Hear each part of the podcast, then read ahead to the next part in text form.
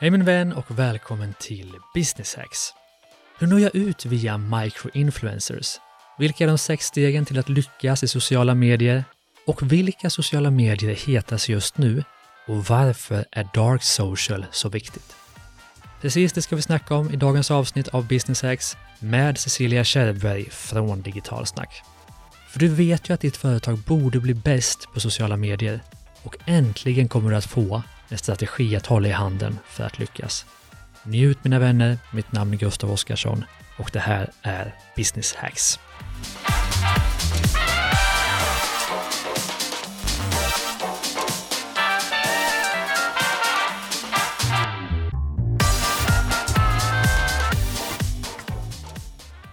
Välkommen till Business Hacks, Cecilia. Men stort tack för att jag får vara med. Ja, men jättekul. Och när jag läste mejlet som jag fick av dig innan så stod det Cecilia Victoria. Ja, Du heter ju Cecilia, men ja. varför står båda namnen med? Jag blev så nyfiken. Ah, det här är ju sökmotoroptimerat 2012, eh, Okej. så att man ska hitta mig på Google. Det är alldeles eh, för många som hette Cecilia Åslund som jag hette eh, för, eh, först. Och sen när jag gifte mig förra året så tänkte jag att jag skulle slippa den här mellannamnet då. Mhm. Eh, men det visar sig, även om vi har ett efternamn som då bara vi har i hela Sverige, Mm. så finns det en till Cecilia Kärrberg. Och då sant? fick det här mellannamnet åka med. Okej. Så Cecilia Victoria, välkommen till podden. Du, eh, ska vi ta en liten eh, sammanfattning av vem du är? Mm. Cecilia Victoria Kärrberg. Jag bor i Karlstad och Mm. driver ett företag som heter Digitalsnack som egentligen startade som en podcast för ungefär eh, tre år sedan nu. Mm. Eh, och den här podcasten den fick ett litet eget liv eh, vilket gjorde att vi då startade sociala mediebyrån Digitalsnack ungefär året efter. Mm. Och det är då jag och min kollega Jenny som driver den. Och efter vår passion för sociala medier. Mm. Och ehm, ja, det är mitt andra företag kan jag säga som Mm. jag driver. Ehm, Vad har du gjort innan? jag startade mitt första företag 2013. Eh, egentligen så var det den här bloggen som ledde dit, för jag tänkte att om jag bygger upp mitt varumärke i sociala medier så skulle jag bli erbjuden ett jobb istället för att jag skulle söka ett Mm, jobb. Smart. Så jag använde sociala medier som ett verktyg i, eh, i det. Eh, och jag blev inte bara erbjuden jobb efter jag hade pluggat färdigt, utan jag blev erbjuden att sköta sociala medier åt andra företag. Mm. Så duktig blev jag på sociala medier. Ah. Eh, och då startade jag mitt företag 2013. Mm. Eh, och då hanterade jag sociala medier åt företag. Mm. Spännande. Och det vi ska ägna oss åt idag, för vi har ju ett, ett omättligt behov hos lyssnarna och läsarna på Driv eget och mitt företag av att lära sig mer om sociala medier. Jag tror det bottnar i att man känner att det går väldigt fort, man känner att man inte har koll. Och man känner att man vill gärna ha någon eller något att hålla i handen. Så ditt och mitt mål idag är ju att ta fram en liten sexstegsraket kan vi kalla det, kring hur vi som driver företag kan eh, lyckas i sociala medier. Har jag förstått det rätt då? Ja, Sex steg från Cecilia Victoria på Digitalsnack. Det är ju magiskt. Man får inte missa podden såklart också om man vill fördjupa sig i det här sen. Är det digitalsnack.se man går in på eller kan man hitta det såklart där poddar finns? ja men precis. Och Ja. även på digitalsnack.se har vi ju ett otroligt kunskapsbank med olika bloggar med 200 artiklar också. Så Mm. podd och blogg om man vill lära sig mer och hålla sig uppdaterad inom sociala medier. För Mm. det här är ett område som utvecklas hela, hela tiden. Just det. Men mitt mål är att ni ska få allting såklart i Business Hacks. Så ska vi börja då i den här sexstegsraketen. Vad, när man ska ta sig an då sina sociala medier, man har ju säkert jobbat med det innan, men nu vill vi för första gången då ha en ordentlig strategi. Vad är steg ett? Mm. De flesta säger att man har ett uttalat mål Mm. och det här känner vi igen i egentligen allt vi gör. Men har vi verkligen det? Och ibland så behöver vi ändra våra mål och syften för att de ska passa för sociala medier. Mhm. För sociala medier är ju liksom en del i vårt stora gigantiska digitala ekosystem som vi pratar mycket om. Där sociala medier är en del, men det kan också vara en webbplats som man äger. Det kan vara andra kanaler, det kan vara nyhetsbrev, det kan vara mejl. Mm. Alla kanaler som ingår egentligen i det här digitala ekosystemet, där är en del är ju sociala medier. Mm. Ehm, och då ska man börja med mål och syfte. Och då har vi en modell som vi säger eh, känna, tänka och göra. Mhm. Vi har ett ganska bra tanke kring vad man vill att sina kunder eller följare ska göra. Man kanske ska köpa någonting, man ska boka någonting. Men vad man kanske inte har funderat kring är just vilka tankar har man sänt ut i de olika kanalerna kring ditt varumärke, dig som person om man driver ett eget företag. Och vad ska man känna om ditt företag Mm. och ditt varumärke? Så ett exempel för oss, vi vill ha, vårt göra är att man ska lyssna på podd. Det kanske är ditt göra också när vi sitter här och Mm. spelar in den här podden. Eh, och då vill vi ju att man ska tänka att våran podcast är den där man får mest information, det är vi som vet de mest aktualiteterna kring sociala medier, vi är experterna i området. Det är vad Mm. vi vill att man ska tänka. Och vad man ska känna är att när man kommer in på våra sociala mediekanaler, man kanske kommer in på vår webb via eh, sökord på Google, då ska man känna att de här är proffsigt och att eh, man gör lite som man, som man säger att man Mm. ska. Det är de här tre, känna, tänka och göra. Och de här behöver vi använda oss av i sociala medier. Eh, Så vill vi att man ska tänka att vi är experter, då behöver vi också ge mycket kunskap i våra kanaler så att man också förstår att vi har den kunskapen som vi säger att vi har. Mm. Så att de här tre delarna är jätteviktiga att liksom diskutera och, och fundera kring. Just det, vad intressant. För är det möjligt att, eh, för det tänker jag att många vill, gå rakt på att nu ska vi sälja saker i sociala medier. Är det en, en vettig strategi eller behöver man liksom hitta många andra steg först? Ja, och då tänker vi den här säljtratten, Mm. man säger, som ett upp och nervänt, eh, som ett V. Mm. Eh, och då behöver vi fylla på med kunder högst upp i tratten och det är Mm. så kallad kall mål, målgrupp. Mm. Och längst ner där vi liksom tänker konverteringen eller göra stadiet, det är ju en Mm. väldigt varm målgrupp. Mm. Så att vad vi behöver göra under de här stegen är att skapa ett intresse som är nyfikna på just dig. Att man kanske kikar in på era sociala medier. Att Mm. man där får ett värde, att man fortsätter att följa, att man också engagerar sig i innehållet och att Mm. man stannar kvar som, som följare eh, och kanske följer med på eran resa. Och sen därefter så är man kanske övertygad att köpa tjänsterna. Mm. Just det. Så att göra, tänka och känna, det har vi en, en ny modell som jag inte har hört innan. Mm. Och det är spännande för att jag tror att de väldigt många av oss tänker att nu ska vi sälja mer på sociala medier och så kör man Facebook-annonser eller Instagram-annonser och så händer det inte så mycket. Mm. För du har inte skapat förtroende. Du har inte fått folk att känna innan. Precis Stämmer. så. Intressant. Så det är steg ett. Det är steg ett. Mål och syften, göra, tänka, känna. Vad händer sen då i steg två? Mm, då får vi tänka vem vi ska prata till. Mm. Vi brukar säga audience is queen. Och när jag läste marknadsföring för hundra år sedan, då pratade man om att företaget var i mitten och så hade företaget massa intressenter runt omkring. Ni som Mm. har läst Kotler kanske känner igen det Just här.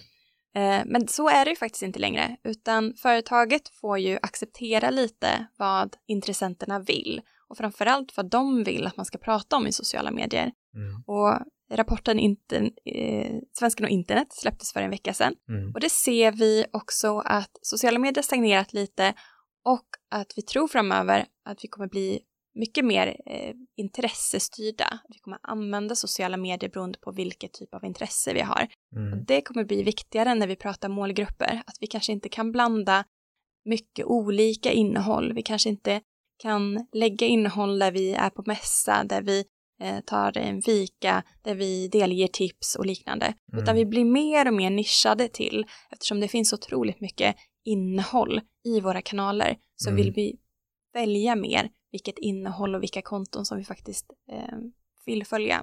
Så målgruppen och vilket intresse målgruppen har, det Mm. behöver man tänka igenom. Och, Och att vara smal då egentligen. ja, Mm. definitivt. Och Mm. också tänka som i nästa steg som är då kanaler. Mm.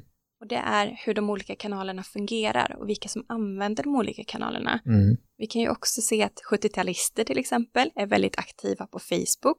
De är Mm. egentligen den enda generationen som är helt Facebook, så här Facebook superstars som vi brukar säga. Mhm. Medan de andra generationerna använder andra kanaler. Som min generation som är millennials, vi tycker Mm. om Instagram eh, och tycker väldigt mycket om bilder. Eh, och sen har vi generation Z som då använder lite snabbare on demand media som är Snapchat, TikTok som är lite Mm. yngre ehm, och Instagram stories som är en Mm. del av Instagram. Så att man måste också lära känna vad är det vi ska kommunicera i de olika kanalerna? För de olika kanalerna är väldigt olika. Mm. Men för det så ska man också kombinera dem i det här kretsloppet. Mm. Att exempelvis om vi lägger en eh, bild på dig, vi ska göra en presentation av dig, Mm. lägger vi upp den i Instagramflödet, då kanske vi gör tre olika intervjuer i Instagram stories Mm. och sen kanske man kan läsa en längre intervju på bloggen. Mm. Så att allting vi gör ska kopplas samman men att tänka väldigt skräddarsytt i alla kanaler så att vi får ut så maximal effekt som möjligt. Mm. Så om vi tar ett exempel då, vi har en, eh, någonting vi vill komma ut med. Vi har Facebook som en kanal, Instagram, vi har Twitter, vi har LinkedIn, vi har kanske inte TikTok än, men möjligtvis Snapchat och så har vi en YouTube-kanal och så har vi vår egna hemsida. Och då vill vi komma ut med att vi har en eh, svincool ny lampskärm som ingen har sett något liknande. Det jag bara på det som låg närmast i min, i min vy. Eh, hur ska jag tänka då? Jag vill komma ut i alla kanalerna, men vad ska jag göra i respektive kanal tycker du? Då går vi till det här känna, tänka, göra. Mm. Eh, görat är ju att då sälja lampskärmen eller i första steget kanske vara att uppmärksamma att den finns. Mm. Vi kanske inte direkt går på rödbetan, eh, pang på rödbetan, utan Mm. vi vill uppmärksamma att den här lampskärmen finns. Mm. Och då ska man också tänka, vilken kanal tycker vi att görat ska vara i? Mm. Och då kanske vi väljer att ja, webben ska man slutligen landa på. Mhm. Och då kan man använda andra kanaler för de här tänka eh, och känna segmenten. Att man bygger upp den här, man kanske har influencers som har den här lite subjektiv bakgrunden som Mm. lägger upp det i sina kanaler. Ehm, och sen kanske man pratar om nyhetsvärdet av den i Facebook. Instagram kanske vi lägger en otroligt snygg bild i flödet. Och sen kanske i stories kan vi visa tre olika sätt att använda den. Mm. Eh, På LinkedIn kanske vi mer pratar om processen kring hur designen själv har tagit fram designen av Mm. den här eh, lampskärmen. Så att vi bryter ut den här lampskärmen kan bli så otroligt mycket olika content beroende Mm. på vilken kanal det är. Och det här är ju jättespännande, vad kul. Jag hade snackat om det här med någon innan. Det är jättekul att, att, att få en tydlig hur man kan tänka med en nyhet kan bli 20 olika innehåll. Mm. Det är så man tänker. Precis så. Och Mm. de tar ju kraft av varann. Ja. Det blir ju otroligt intressant innehåll. Ska man tänka, eller finns det någon generell, alltså generell tanke att man ska sälja på sin hemsida och marknadsföra i sociala medier? Eller kan man idag lika gärna sälja också på Facebook? Absolut. Mm. Och där får man också tänka i den här målgruppsdelen som var nummer två i det här Mm. steget. Att vi är också olika mogna till att konvertera över direkt från Mm. sociala medier. Så att är man en äldre målgrupp då kanske man behöver att läsa lite mer. Medan har vi generation Z där nästan hälften redan gjort ett köp via sociala medier Mm. och använder också sociala medier väldigt mycket i sin köpresa. Mm. Så när de står och provar en, en tröja i provrummet så skickar de en Snapchat till en kompis och frågar dem om det är rätt färg eller inte. Och de Mm. påverkar sen i beslutet om de ska köpa den eller inte. Mm. Så att sociala medier är en otroligt viktig del i vår köp, eh, Mm. vår, våra köpbeslut idag, men på olika sätt. Men du är på kanaler då, för du har ju gått igenom sociala medier här nu.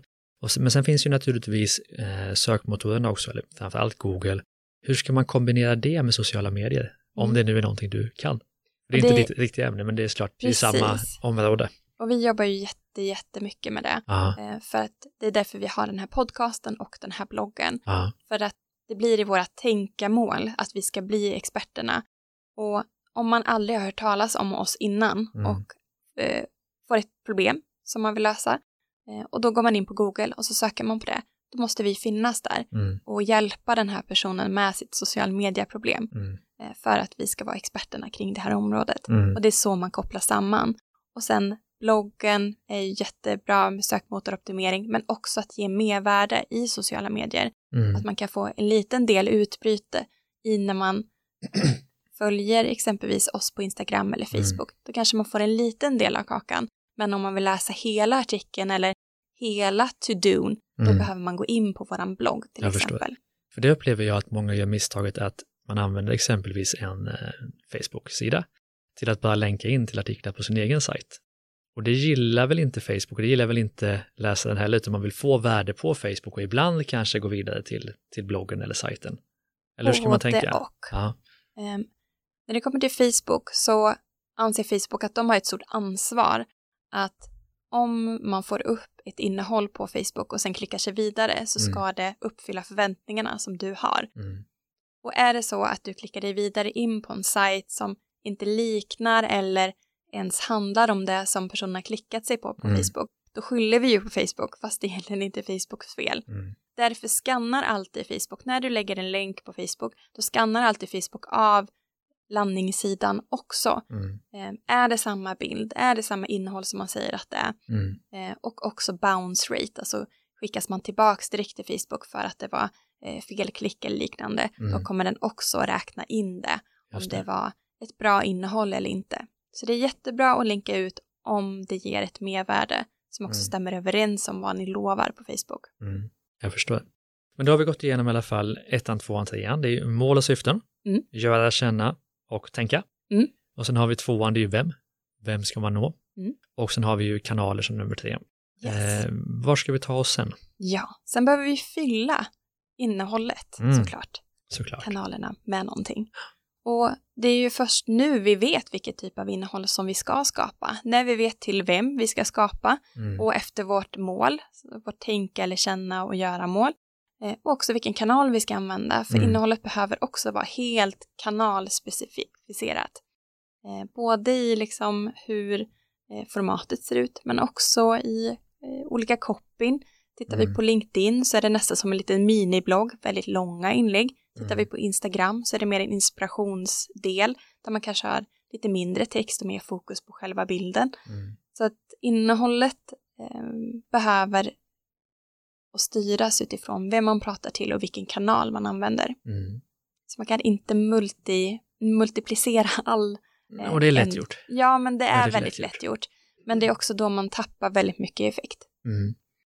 Och då tänker många, vad då ska jag ha Twitter, ska jag ha YouTube, ska jag ha Facebook, Instagram, eh, TikTok, LinkedIn, Snapchat? Hur vet man då vilka man ska ha? Det såklart kan man titta på vilka målgrupper som finns på vilken kanal. Lite kanske också vilka man trivs med själv och vill jobba i. Men finns det någon, hur testar man sig? Hur testar man vilka som passar en själv? Finns det någon sajt man kan läsa? Det är klart det finns på er sajt, men, men finns det någon strategi man kan använda sig av? För att veta vilka kanaler man ska gå i? Ja, det finns ju som du säger ganska generella siffror på Mm. rent statistiskt hur olika generationer använder sociala medier. Mm. Däremot så kan det bli lite fel om man tittar på statistiken Mm. och då ser man att 16 till 25-åringar till exempel är jätteaktiva på Facebook, ser det Mm. ut som. Men när vi börjar bryta ner vad de gör på Facebook så använder de Messenger-appen. Man skickar Mhm. chattmeddelanden till varandra Mm. och är inte så himla aktiva i flödet. Så att när man börjar analysera vad de här olika målgrupperna gör på Mm. kanalerna så blir det mycket, mycket svårare att veta vart de, vart de befinner så sig. man måste nästan gå ner på den nivån för att förstå. Okej, den här målgruppen kanske finns på Facebook, men de köper ingenting på Facebook. Så kan det vara. Mm. Precis så. Mhm, intressant. Men du, innehåll, hur långt hade vi kommit på innehåll? Var vi färdiga med det? Ja, alltså, innehåll är ju det svåraste att Mm. det behöver man ju testa sig fram vad som funkar. Vad, vad är inne, vad, funkar på i de sociala medierna? Jag förstår att det är olika från sociala medier till sociala medier, men vad är hett just nu när det gäller innehåll generellt? Jag skulle säga att det inte finns någon generell utan allting handlar om värdet. Mm. Vi har otroligt lite tid, väldigt mycket innehåll, vilket Mm. gör att vi kommer vara väldigt petiga när vi börjar följa någon i sociala medier. Mm. Framförallt Instagram, ett sånt typexempel. Att eh, vi väljer någonting som är super, super nischat och nördigt. Eh, vi hade en kund som vi startade upp ett konto som eh, sålde kaffe. Mm. Och eh, hade vi bilder väldigt nära uppifrån i kaffekoppen så fick det jättebra engagemang. Om Mhm. kaffekoppen stod lite för långt bort eller om det var- kanske var en person i bild, då fick det inte alls lika mycket engagemang. Mhm. Då kan man undra hur många kaffekoppar kan man faktiskt lägga upp på ett och samma Instagramkonto? Och det är verkligen hur många som helst. Okej. För det är exakt det beteendet vi har. Vi väljer någonting utifrån det vi vill se. Så att när vi får upp en bild, kanske på Instagram i upptäckarflödet, så går vi in och liksom känner in profilen. Mm. Vad kan jag förvänta mig att få i mitt flöde? Då vill vi ha nästan samma Mer sak. av det, okej. Så att vi kan plocka lite som en lösgodispåse, att vi kan Mm. plocka det sura och att det inte blandas utan vi själva vill göra mixen. Mm. Och det är där som blir svårigheten med exempelvis Facebook. Att det är så otroligt, det är redan blandat utan att vi själv har valt vilken blandning vi vill ha. Så att det är det som Mhm. blir svårigheten nu framöver. Mm. Eller möjligheter med sociala medier, att vi blir mycket, mycket mer nischade. Mm. Så att därför blir det här känna, tänka, göra mycket mer viktigt att vad är vårt företags DNA? Varför finns vi? Mm. Varför, eh, varför ska vi utvecklas vidare? Och göra det så tydligt och smalt som det Mm. bara går. Då. Precis. Och välja bort.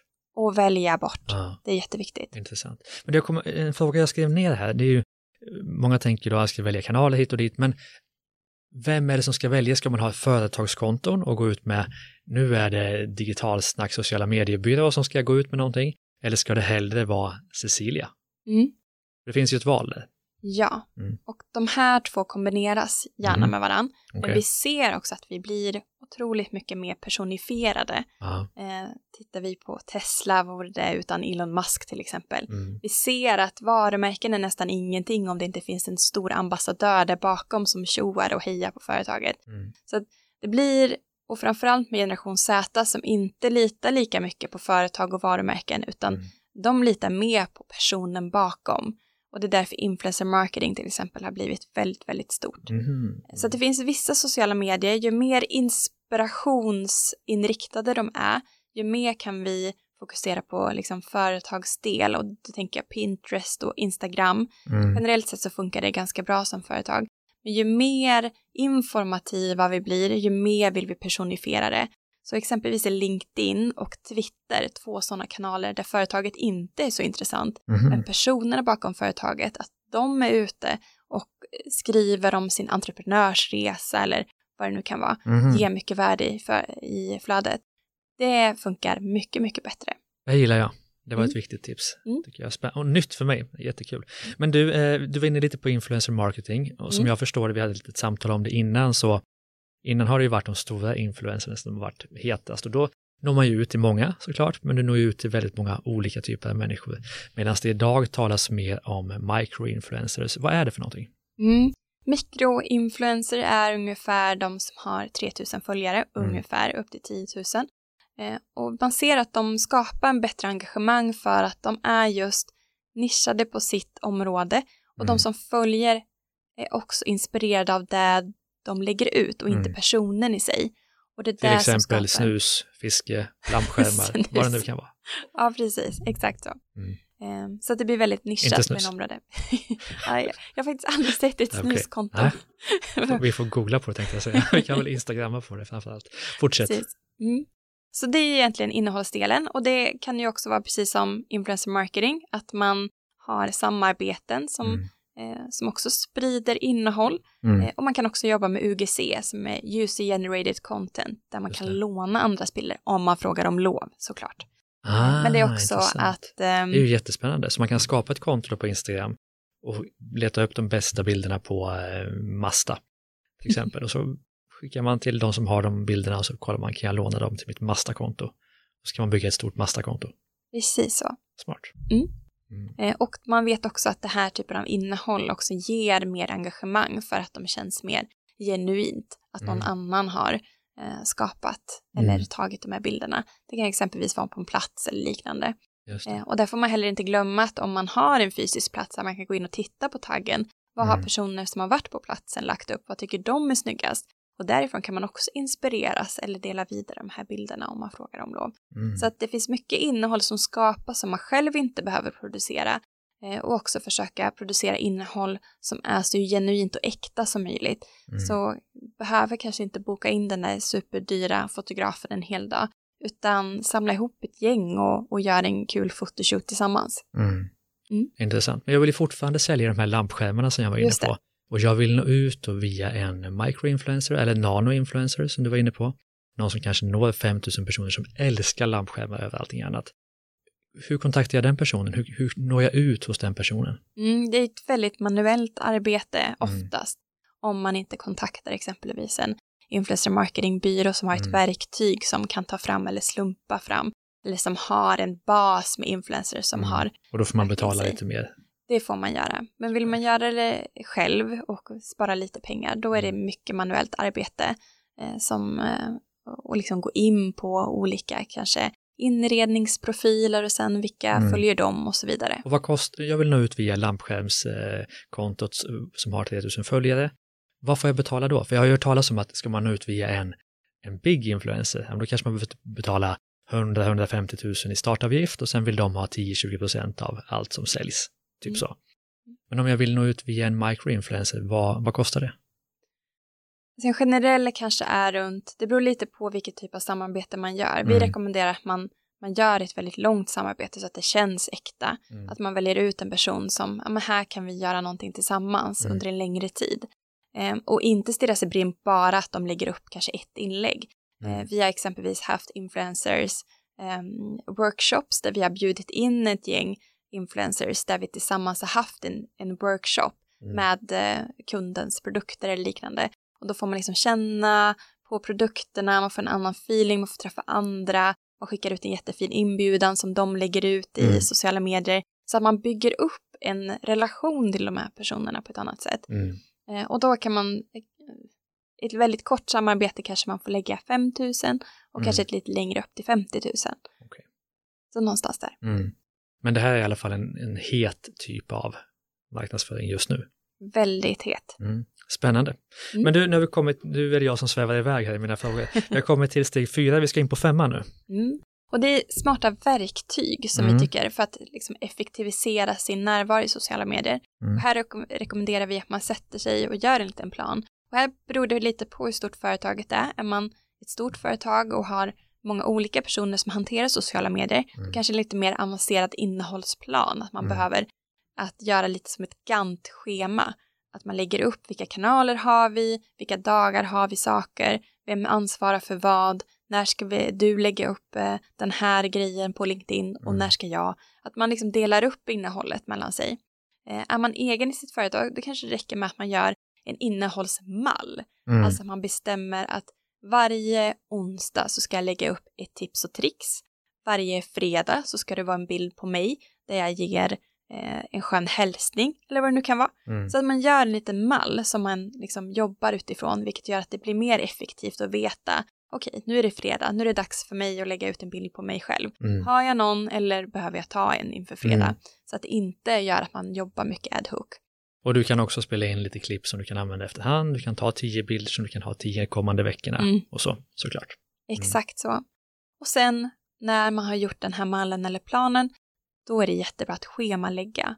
Då slipper man den här tiden att producera så att man nästan bokar in en dag i veckan där man schemalägger sitt innehåll i sociala medier. Mm. För då kan man lägga tiden sen att eh, engagera sig i kommentarer eller sina följare. För det är det som är sociala medier, inte att producera, eh, Mm. massprodukera innehåll, utan det är ju den här kontakten som vi vill åt. Och när man har valt sin dag som man ska då eh, schemalägga det här, och då finns det ju lite olika verktyg som man kan använda sig av. Facebook Mm. själv har ju någonting som heter Creator Studio, Mm. som är en helt gratis eh, sajt där man kan schemalägga både Facebook och Instagram. Mm. Eh, Så det är ganska smidigt. Sen finns det andra tredjepartsverktyg som är partners med då Facebook och Instagram som man kan Mm. använda.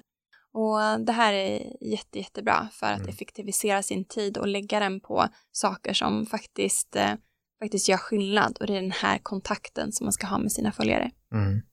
Och hur mycket, för frågan kommer ju alltid, hur mycket ska man lägga ut? Är det varje, måste man lägga ut varje dag?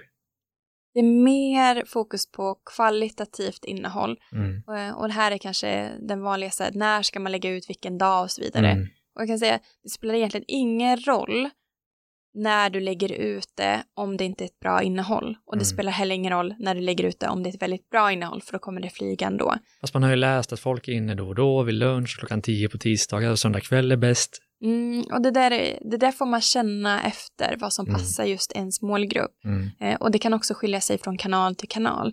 Tittar vi på LinkedIn till exempel, det är kanske inte jättemånga som sitter på LinkedIn en fredagkväll, men på Instagram så är vi kanske mer aktiva just Mm. den tiden. Just det. Eh, och det beror också på vad vi ser i våra flöden eh, som vi tycker om att se på en fredagkväll. Mm. Så att jag tycker att man ska testa sig fram. Jag förstår. Vad ska vi kalla punkt fem? För jag glömde att skriva ner det. Verktyg, Verktyg var det ja. Finns det fler verktyg man kan använda sig av? absolut. Eh, vi använder oss väldigt mycket av Google Analytics. Mm. Och det är för att se hur exempelvis ehm, man färdas mellan i det här digitala ekosystemet. Mm. Alltså vad är det man oftast går in och klickar på? Vad är de mest lästa blogginläggen? Kan vi Mm. göra dem ännu bättre? Eh, finns det sökord som man kommer in till oss som vi inte har täckt in med innehåll som vi borde skriva? Så det är också ett bra verktyg för att också utveckla sin Mm. känna, tänka, göra. Jag förstår. Och många kommer ju efter det här avsnittet höra av sig till oss och fråga, varför frågar du inte hur man får fler följare på sociala medier? Så hur, hur får man det? Jag tror man ska... Det handlar inte bara om, inläggen och innehållet, för att du måste ju få veta om att de finns för att ta del av dem. Mm. Ja, fortsätt. Och här är ju liksom en liten itudelare. Man ska Mm. absolut inte stirra sig blind på följarantalet. Mm. Jag tycker däremot att man kan kolla med hur stor räckvidd har du varje inlägg. Mm, Blir det bättre om du ändrar din strategi? mm, Vad är ett bra räckviddstal och vad är ett, ett, ett lite sämre? mm. Och sen se om man kan bli bättre eller inte. Och hur gör man då för att öka räckvidden? Det kan exempelvis vara att man eh, ändrar innehållet. Mm. Man ändrar liksom strategin helt och hållet. Mm, Eh, Det kan vara så enkelt som att om på Facebook så vet vi att om vi lägger eh, massa bilder så att det blir ett plustecken så vet vi mer att fler engagerar sig för man blir nyfiken på att titta på fler bilder. Eh, Så det finns några så här tips och tricks som gör att man faktiskt får mer räckvidd. mm, Att man kanske taggar andra, där är väldigt populärt på LinkedIn till exempel. mm, Och egentligen alla sociala medier, att vi, vi tankar, eh, taggar personer för att liksom, hej hej, nu har du ett intressant inlägg här, Mm. eller det här handlar om dig. Eh, så att man kan få hjälp med spridning. mm. Så det finns några tips och tricks. Intressant, tack så mycket. Och sjätte Ja, tipset, och det var vi lite inne på nu, Mm. och det handlar ju om mätning och analys. just det. Och den här cirkeln går ju alltid runt, så att när man har gjort de här stegen så ska man ju mäta. Och det kan vara bra att börja mäta någonting, som jag pratade om, det här med räckvidden, eh, eller engagemangsfrekvens som ett procenttal, alltså hur Mm. många procent av de som ser engagerar sig i ditt innehåll. Det är Mm. kanske de talen som är mer viktiga än hur många följare du har på Mm. din sida.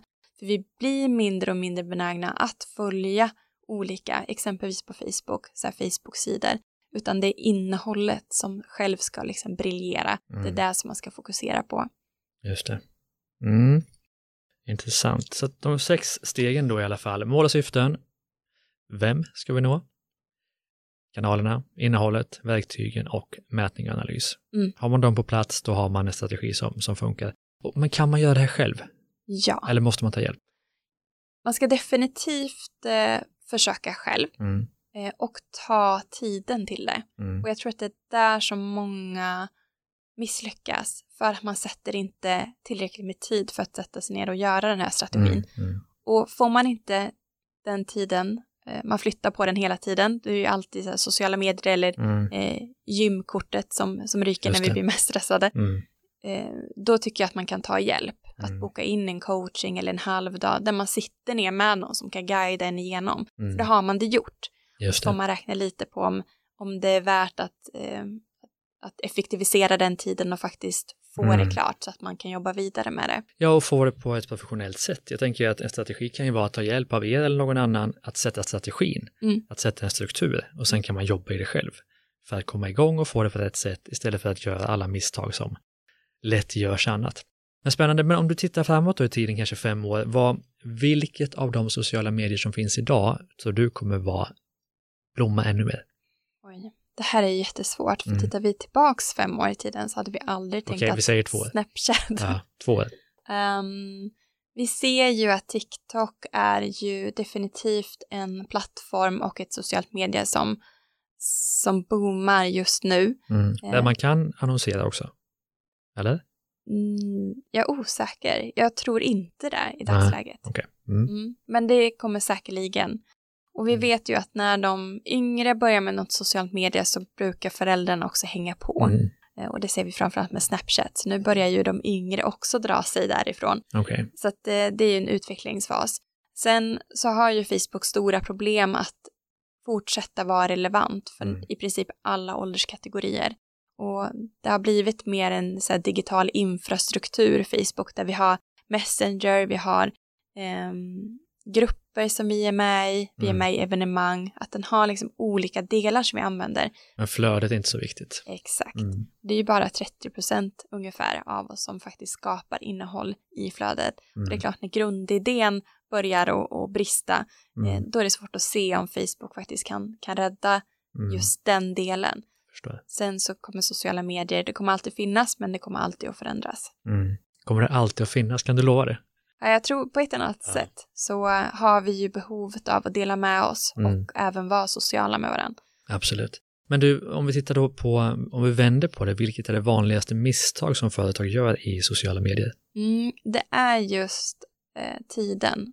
att Mm. faktiskt våga undsätta tid för det. Mm. För vi är ju ganska vana med tidigare marknadsföringsmetoder, att man Mm. köpte en tjänst, man kanske skickade in sin logga och sen producerade de och så skickade de ut det i relevanta kanaler sen var kampanjen över. Mm. Sociala medier lever ju konstant och här behöver vi vara betydligt smartare och vi behöver äga hela vår kommunikation själv. Och det är klart att det är svårt som företag idag att vara en copybyrå, man ska vara en annonseringsbyrå, man ska vara en PR-byrå, man ska vara fotograf, man ska vara en videograf. Helt Mm. plötsligt är vi ett helt mediahus, alla företag idag. Mm. Så det är jätte, jätte komplext att lyckas med sociala medier. Och då behöver man också eh, förstå att det tar mycket tid att skapa en affärsnytta Mm. i sociala medier. Ja, och du måste ju ha ett tydligt syfte också. För det första veta vad du vill med det, som du var inne på i steg ett. Och också, alltså, det är inte säkert att det är för alla. Så kan det ju vara också. Jag tror att det är för alla på lång sikt, men du kan ju inte bara hålla på med det bara för att, utan du måste ju veta varför du gör det naturligtvis. Mm. Men såklart kan man ju följa eh, digitalsnack i alla kanaler, men vilka influeras ni av? Vad hittar ni inspirationen som ni sen gör till ert? Mm. Finns det någon, man ska väl inte säga finns det någon bok, men finns det någon podd ni lyssnar på? Finns det någon sajt ni följer? Finns det något konto ni följer Mm. för att vara up to date? Vi jobbar ju i hela Norden och det är ju vårt mål att vara branschledande i hela Mm. Norden. Så därför blickar vi lite utanför. Så att vi brukar eh, åka på event som Social Media Week i London eller New York eh, för att influeras av andra inom det här segmentet som Mm. inte är i Norden. För vi vet ju att mycket kommer från USA. Det, Mm. Om det händer någonting där så, så brukar det också Mm. eh, komma till, till Sverige och Norden. Sen ligger vi väldigt långt framåt. Eh, Sverige, eh, Norge, Finland, Danmark eh, i Europa när det kommer till sociala medier. Mm. Eh, men även här skiljer det sig ju jättemycket. Men Snapchat är jättestort i Norge men har inte boomat alls på samma sätt i de andra nordiska länderna. Mm. WhatsApp är eh, den största appen i Finland som man kan använda. Mm. Mm. Så att ehm, vi, vi tittar väldigt mycket på statistik från andra länder för att se vad, vad det är som händer. Mm. Sen har vi ju några, Social by Default, eh, Alexandra Bylund har också en podd Podd, ja, inom sociala medier som Mm. man kan följa. just det. Intressant. Men det är, som, alltså det är så lätt att, att snacka om det här, men sen glömmer man bort lite vad du har sagt och man kanske får gå tillbaka och lyssna. Men finns det några konton som är kopplade till svenska företag som du är imponerad av, som man kan snegla på? Man kan ju titta på oss. Mm. eh, och eh, specifikt eh, kanske Instagram är vår starkaste kanal Mm. eh, där vi jobbar med väldigt mycket nytta. Men Mm. också vår podcast, vår blogg och även jag och Jenny är väldigt aktiva med våra personliga varumärken i, Mm. på LinkedIn Mm. där vi har separerat helt och hållet liksom, vårt företag och jobbar som ambassadörer för digitalsnack. Mm. Så man kan kolla lite hur vi har byggt upp vårt digitala ekosystem. Absolut. Men du, inom ert område, vem skulle du rekommendera som gäst annars i, i Business X? Kanske inte någon inom mitt område, Mm. men någon som jag imponeras av just nu som också är ganska hett som man pratar och det är ju CSR-arbete. Mm. Eh, just att man står för något typ av värde som företag och som man också kan eh, använda sig av i sociala medier. Att det blir viktigare och viktigare för företag att visa vart man står för någonting. Mm. Och då har jag Katrin Löberg Mhm. eh, som eh, jobbar väldigt mycket på Twitter kring Mm. CSR. Deras CSR-arbete har blivit en affärsstrategi för dem. Mm. Och den tycker jag är intressant att se eh, om fler företag faktiskt kan, eh, kan ta vid. Mm. Man tänker ju att sånt arbete kostar mer pengar. Mm. Intressant. Men du, en sak vi måste snacka om, det var det vi var inne lite på innan i min förra intervju med dig. Det är ju att ni bygger ju digitalsnack. På, ni är fem personer nu, men alla sitter på olika ställen, ni har inget ordinarie kontor. Ni bygger alltså ett, ett digitalt bolag som är helt digitalt. Mm. Oerhört inspirerande. Men det finns ju också fallgrupper med det, tänker jag. Hur har ni gjort för att lyckas med det? Mm. Vi använder ju eh, Google Drive som är Mm. egentligen vårt helt molnbaserat eh, Mm. verktyg så att alla ska komma åt allting i bolaget Mm. oavsett vart man befinner sig. Mm. Eh, Och sen har vi alltid avstämningar som är videosamtal. Mm. Men vi lägger också såklart stor vikt att ses och göra saker tillsammans Mm. som bygger också gruppen. Så Men blir folk lika engagerade när ni inte ses så ofta? Vi vi, ses ju inte varje dag. precis. Och vi väljer personer som har en drivkraft. Vi säger att jobba hos oss är lite som att driva sitt egna företag fast man får egentligen alla verktyg av oss. Man Mm. får ett, ett helt företagspaket. och man får driva sitt område helt och hållet själv och utveckla. Och vi finns såklart där och, och bolla olika saker mm. tillsammans med. Mm. Um, och det är en ganska unik um, syn på att driva företag, att vi alla är nästan lite egna och väldigt nördiga på olika delar mm. inom sociala medier, vilket gör att vi kompletterar varandra väldigt, väldigt bra. Mm. Jag tycker om det. Men du, är det något vi har missat nu eh, i vårt ämne, sociala medier, eh, topics som vi har idag? Eller har vi gått igenom allt som är viktigt? Jag tycker faktiskt det. Vi var inne mm. lite på så här, framtid och sociala mm. medier. Och det, det tycker jag också att man kan ha i åtanke, för vi är lite i ett paradigmskifte där sociala medier förändras väldigt snabbt och väldigt mycket. Mm. Vi har ju varnat, eller vi har pratat om det här i ett par år, men nu ser vi att det verkligen, verkligen händer. Eh, och man ska också tänka till att inte tänka så traditionellt kring att sociala medier. Man mm. kanske inte ska ha en Facebook-sida, man kanske kan eh, gå in och engagera sig i en grupp till exempel som, mm. eh, som har ett intresse kring, kring det ni jobbar med. Jag förstår, men vad är skiftet då? Det här paradigmskiftet, vad, vad innebär det? Det innebär egentligen att allting som vi tänker med traditionella sociala medier, det här flödet som mm. vi scrollar, på väg bort. Mm. Eh, vi har andra generationer som beter sig annorlunda och kommer in med andra kanaler som vi inte riktigt förstår hur vi ska använda. Mm. Eh, och också det här med dark social, att vi blir mer och mer privata. Vi har ju gått från att sociala medier varit ganska öppna, mm. vi har haft öppna konton på Instagram, vi har delat vidare saker. Och nu börjar vi sluta oss i mer intressegrupper och inte mycket så här blandflöden. Mm. Så egentligen allt det som vi ser idag som vi har tänkt kring strategi i sociala medier håller på att förändras. Spännande, oerhört intressant. Tack för det. Du, eh, innan vi slutar, har du något annat så business life hack som du kan dela med dig av? Ja. Eh, när jag startade mitt företag, eh, då um, satte jag en dag som jag inte har några möten alls. Och mm. den får vara helt fri för att komma ikapp. Annars mm. är det lätt att den här dagen, eh, att man bokar in möten varje dag. Men det är mm. bara ett möten. Mm. Men det där mötet på en timme, det kanske tar tre timmar av hela din mm. arbetsdag. Så att ha en hel dag som är helt fri från möten, mm. det har gjort jättestor skillnad. Mm, vad härligt. Men du, eh, digitalsnack.se, yes. där ska man hänga, läsa de här 200 artiklarna om hur man blir bättre digitalt, lyssna på podden naturligtvis och eh, såklart följa dig i alla sociala medier och kanske också följa er för att ni gör väl det på rätt sätt då får man väl hoppas. Och eftersom ni är ett brand och ett företag så kan man ju verkligen kopiera det ni gör, eller ta hjälp av er förstås. Men du eh, Cecilia, stort tack för att du ville vara med i Business Hacks. Tack snälla. Och tack till dig som lyssnade idag. Ett eh, superhärligt avsnitt, väldigt konkret och härligt och så ska det vara i Business Hacks. Ni hittar våra poddar såklart på drivastarkeget.se, mittföretag.com och där poddar finns Podcaster, Acast, Spotify och liknande. Glöm inte att prenumerera på dem med så att du får varje avsnitt på en gång. Vi avslutar den här härliga podden med musik ifrån Soundry. Tack för idag!